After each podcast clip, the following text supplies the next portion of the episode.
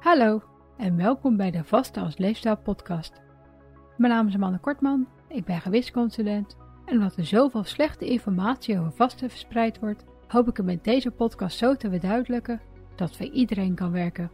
Je vast wanneer je langer dan 12 uur niks neemt wat vaste stopt, dus is makkelijker dan je denkt.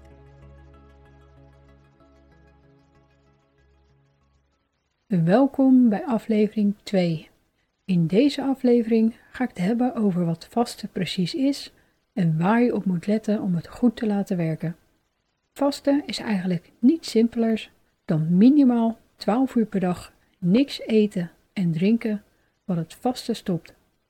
Hoe lang je vast mag je natuurlijk zelf bepalen, maar als je gezond eet is 15 tot 20 uur per dag voor velen al voldoende om af te vallen, of als je vast vanwege gezondheidsproblemen.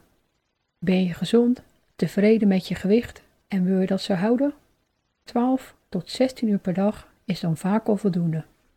In de 4 tot 12 uur dat je eet, is het belangrijk om erop te letten dat je voldoende en gevarieerd eet, zodat je alle voedingsstoffen binnenkrijgt die je nodig hebt en het geen crashdieet wordt.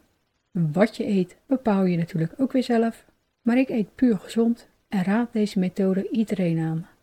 Er zijn veel misverstanden over vasten en velen worden wijsgemaakt dat alles wat onder de 50 calorieën zit niet meetelt, dat light frisdranken geen probleem zijn en er wordt zelfs beweerd dat je beter afvalt met dranken zoals bulletproof koffie. Bottenbouillon wordt ook vaak gedronken, terwijl dat juist het belangrijkste doel van vasten stopt. Deze wil je dus allemaal vermijden, zodat je lichaam weer leert over te schakelen naar je reservevoorraad genaamd lichaamsvet tijdens je vastheid, en niet dat het denkt dat er een voedselschaarste is en je stofwisseling verlaagt. Dit lijkt hetzelfde, maar er zitten subtiele verschillen in en om naar de vaststand te gaan en niet naar de schaarste stand, is het belangrijk om je aan de drie vaste doelen te houden. Dit zijn 1. Je insulineniveau laag houden. 2. De energie uit je eigen lichaamsvet halen. En 3 de autofagie verhogen. Het eerste doel is dus je insulineniveau laag houden en dit is heel erg belangrijk omdat je anders niet efficiënt je lichaamsvet als energiebron kunt gebruiken en je honger krijgt en houdt tijdens je vasttijd, zelfs als je gezond en voldoende eet. Dit is iets waar iedereen vroeg of laat tegenaan loopt als ze niet goed vasten en er dan versteld van staan dat vasten opeens een stuk makkelijker wordt als ze zich wel aan de drie doelen houden. We zijn gebouwd op het verbranden van ons lichaamsvet voor energie als er gedurende een langere tijd niks te eten is en voedsel wordt weer deels als reservebrandstof in onze lever, spieren en of vetcellen opgeslagen als we eten. Dit natuurlijke energiebalans zorgt ervoor dat je netjes op gewicht blijft of kunt afvallen als je vetvoorraad nog te hoog is en je tegelijkertijd niet constant hoeft te eten om voldoende energie te hebben. Onze jagende en verzamelende voorouders hadden tenslotte ook wel eens een slechte dag of zelfs periode en dan konden ze makkelijk op hun vetreserves steren totdat er weer voldoende te eten was. Ons energiebalans is vooral de afgelopen 40 jaar verstoord geraakt doordat we zijn wijsgemaakt dat het goed is om drie hoofdmaaltijden en tussendoortjes te nemen waardoor ons insulineniveau te hoog blijft om makkelijk te kunnen wisselen naar onze vetreserves als energiebron. Ik zal in het kort uitleggen hoe dit werkt. Je lichaam maakt onder andere wat extra van het hormoon insuline aan zodra het verwachte voedsel binnenkomt.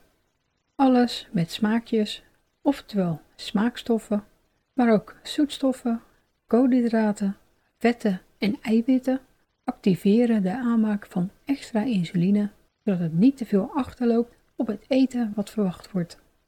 Als dit niet zou gebeuren, dan wordt je bloedglucosespiegel, ook wel bekend als je bloedsuikerspiegel, te hoog. dit veroorzaakt schade in je lichaam.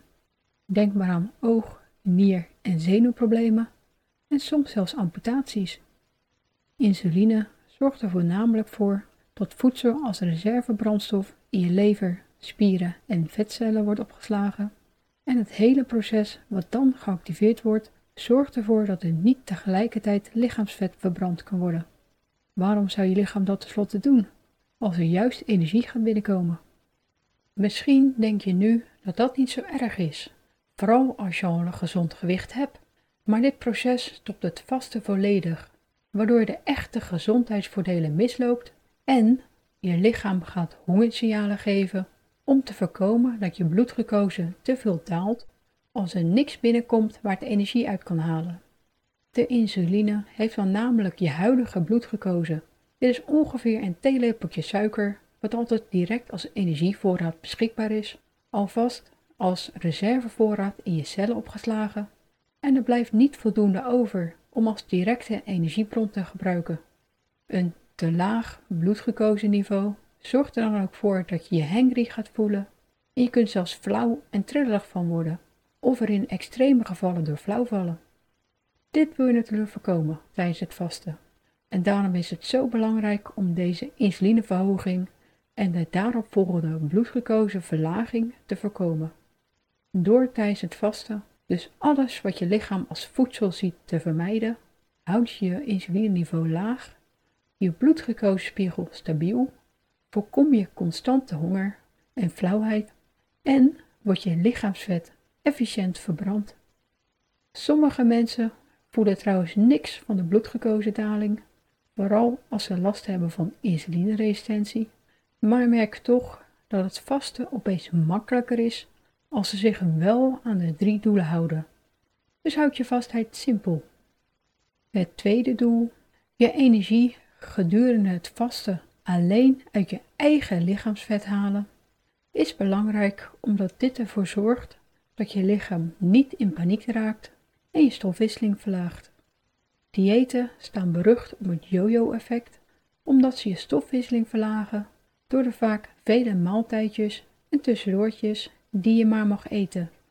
Door telkens wat te nemen, moet je lichaam ook telkens ter compensatie extra insuline aanmaken. En door de vaak sterke energiebeperking krijgt je lichaam ook niet genoeg energie binnen. Denkt het dat er een hongersnood is en zal je lichaam na een paar maanden in de spaarstand gaan. Goed vasten herstelt echter het balans van voeden en vetverbranding. Je lichaam schakelt simpelweg over op een andere energiebron en zelfs iemand met een gezond gewicht heeft genoeg lichaamsvet om er een maand op te teren. Die 12 tot 20 uur vasten per dag, of zelfs 42, zijn dus een makkie. En tijdens je eettijd kan je genieten van twee of drie goed vullende maaltijden, zodat je lichaam weet dat er geen hongersnood is. Toevoegingen zoals roomboter, room Koffiemelk, kokosolie of MCT-olie wil je tijdens het vasten dus vermijden, omdat ze natuurlijk vet bevatten die je lichaam dan in plaats van je lichaamsvet gaat verbranden en de smaak ervan zorgt dat je insuline aanmaak omhoog gaat. Dit is natuurlijk zonde, doordat je dan simpelweg niet aan het vasten bent. Het derde doel vind ik persoonlijk het belangrijkste. Autofagie verhogen betekent namelijk dat het zelfherstellende vermogen van je lichaam verhoogd wordt. Je kunt autofagie zien als het houden van een grote schoonmaak op celniveau, die de gehele dag in meer of mindere mate gebeurt en waarbij bijvoorbeeld oude en beschadigde cellen deels gerecycled worden en slechte stoffen uit je cellen zelfs verwijderd worden. Ieder moment dat we leven ontstaat er tenslotte schade in ons lichaam en door je lichaam dagelijks een paar uur extra te geven om nog beter te herstellen, verhoog je de kans op gezonde ouder worden. Autofagie verlaagt weer zodra je lichaam denkt dat er voeding binnenkomt en eiwitten, die bijvoorbeeld in bottenbouillon en collageen zitten, verlagen het direct. Vermijd die dus ook tijdens je vasttijd en geef je lichaam de tijd om een echte grote schoonmaak te houden. Vasters merken de grootste fysieke verbeteringen als ze meer dan 18 uur per dag vasten of als ze 16 uur vasten en regelmatig intensief sporten. Sporten verhoogt namelijk ook autofagie. Aangezien ik niet intensief kan sporten, vast ik 18 tot 20 uur per dag. Zo heb ik genoeg tijd om te eten, maar krijg ik ook de extra voordelen van lang genoeg vasten. In een toekomstige aflevering zal ik meer over autofagie vertellen. Tijdens het vasten kan je extraatjes dus het beste laten staan, maar het is wel belangrijk om voldoende te drinken, zodat afvalstoffen goed afgevoerd kunnen worden en je niet uitgedroogd raakt. In de uren dat je vast kan je het volgende nemen. Kraan, mineraal en bruiswater zonder toevoegingen.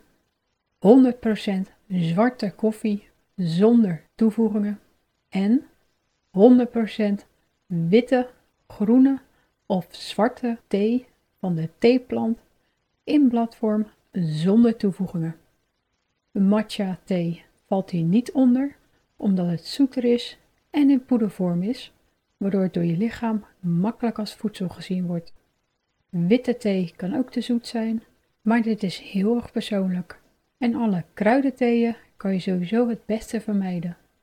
De meeste zijn zoet, zuur of umami en zorgen er al snel voor dat je honger krijgt. En ook bittere kruidentheeën zorgen bij de meeste vasters voor problemen. Hiernaast zou ik niet eens weten welke er precies onder vallen en is ook de reactie hierop weer heel erg persoonlijk en het antwoord op de vraag zal dit het vaste stoppen is in 99,9% van de gevallen ja. Dus ik bewaar alle onzekerheden gewoon voor mijn eettijd. De bittere smaak van zwarte koffie en echte thee, uiteraard zonder toevoegingen, zorgen echter maar zelden voor problemen, maar niet iedereen kan ze drinken. En ook bruiswater zorgt er bij sommigen voor dat ze honger krijgen, doordat hun lichaam er een te sterke associatie met voedsel mee heeft. Hiernaast kan thee door de tannines die het bevat op een nuchtere maag zorgen voor misselijkheid en koffie kan zorgen voor overmatig maagzuur. Als je vermoedt dat iets een probleem is, dan kan je het beter vermijden tijdens je vasttijd en dus alleen drinken tijdens je eettijd en het over een paar maanden nog een keer proberen. Sommige vasters kunnen na jaren helaas nog steeds alleen maar kraanwater drinken, dus ik ben blij dat koffie en bruiswater voor mij geen probleem zijn. Naast de net genoemde dranken zijn er nog een paar dingen waarvan het belangrijk is om te weten of je ze wel of niet kunt nemen tijdens het vasten. Medicatie moet altijd genomen worden zoals je arts het voorschrijft, maar sommige medicatie kan makkelijk verschoven worden doordat ze bijvoorbeeld alleen aanraden om het ochtends in te nemen om te voorkomen dat vergeten wordt. Overleg daarom met je arts of dit kan als het hulpstoffen bevat waar je last van krijgt of als je niet nuchter mag innemen. Veel supplementen zorgen voor problemen, maar van diegene waarvoor je nuchter moet zijn om ze in te nemen, is het belangrijk om na te gaan welke stoffen ze allemaal bevatten. Afhankelijk van deze ingrediënten kan je ze indien nodig opschuiven naar een moment waar je er geen last van krijgt, zoals een half uur voordat je wil gaan eten of net voor slapen gaan. De overige supplementen neem je gewoon tijdens je eettijd. Sommige vasters hebben extra zout of elektrolyten nodig en zolang deze verder geen extra ingrediënten bevatten die het vasten stoppen, kunnen ze tijdens het vasten genomen worden. De rest kan je dus niet nemen omdat ze het vasten stoppen en in aflevering 8 zal ik alles uitgebreider bespreken. Vasten is saai en hoort je lichaam de tijd te geven om wat anders te doen dan eten te verteren. Dit lijkt misschien extreem, maar het is eigenlijk juist extreem dat we gewend zijn geraakt aan de hele dag eten. Vroeger aten mensen hooguit gedurende 10 uur per dag en waren tussendoortjes alleen iets voor speciale gelegenheden. Maar nu is het toch heel wat als mensen 10 uur per dag niks eten. Het lange en vele eten gooit ons gehele lichaam gewoon uit balans en vergroot daarmee de kans op welvaartsziekte aanzienlijk. Vasten doet dan ook niks anders dan het balans weer herstellen en hoewel de resultaten soms wonderlijk lijken, is vasten natuurlijk geen wondermiddel. Te lang, veel en vaak eten zorgt er gewoon voor dat er te weinig herstel kan plaatsvinden, waardoor onze lichamen eerder slijten en dat zorgt voor veel fysieke en soms zelfs mentale problemen, die we weer deels kunnen oplossen door goed te gaan vasten. Door het vasten, op de manier die ik aanraad, kon ik bijvoorbeeld opeens mijn darmmedicatie ruim halveren. Maar ik ben er nog niet vanaf. En ik verwacht het ook niet, met die gare rug van me, en de endometriose die waarschijnlijk ook meespeelt. Maar minder medicatie betekent al minder bijwerkingen en dat maakt het vasten op de juiste manier alleen al de moeite waard en makkelijk vol te houden. De extra energie die ik erdoor krijg, heb ik als chronisch zieke ook maar al te hard nodig. En ik blijf er natuurlijk veel makkelijker door op gewicht, wat mijn leven als parttime rolstoeler ook makkelijker maakt. En hoewel veel mensen starten met vasten om af te vallen, blijven de meesten dit ook doen, omdat ze zich gewoon zoveel beter voelen dat ze niet willen stoppen. Dus onthoud de drie doelen, houd je vastheid simpel en geniet van alles wat je lichaam en smaakpapillen goed doet tijdens je eettijd. En dan kan vasten ook een gezond onderdeel van jouw leefstijl worden. In aflevering 3 ga ik het hebben over de verschillende vastmethodes.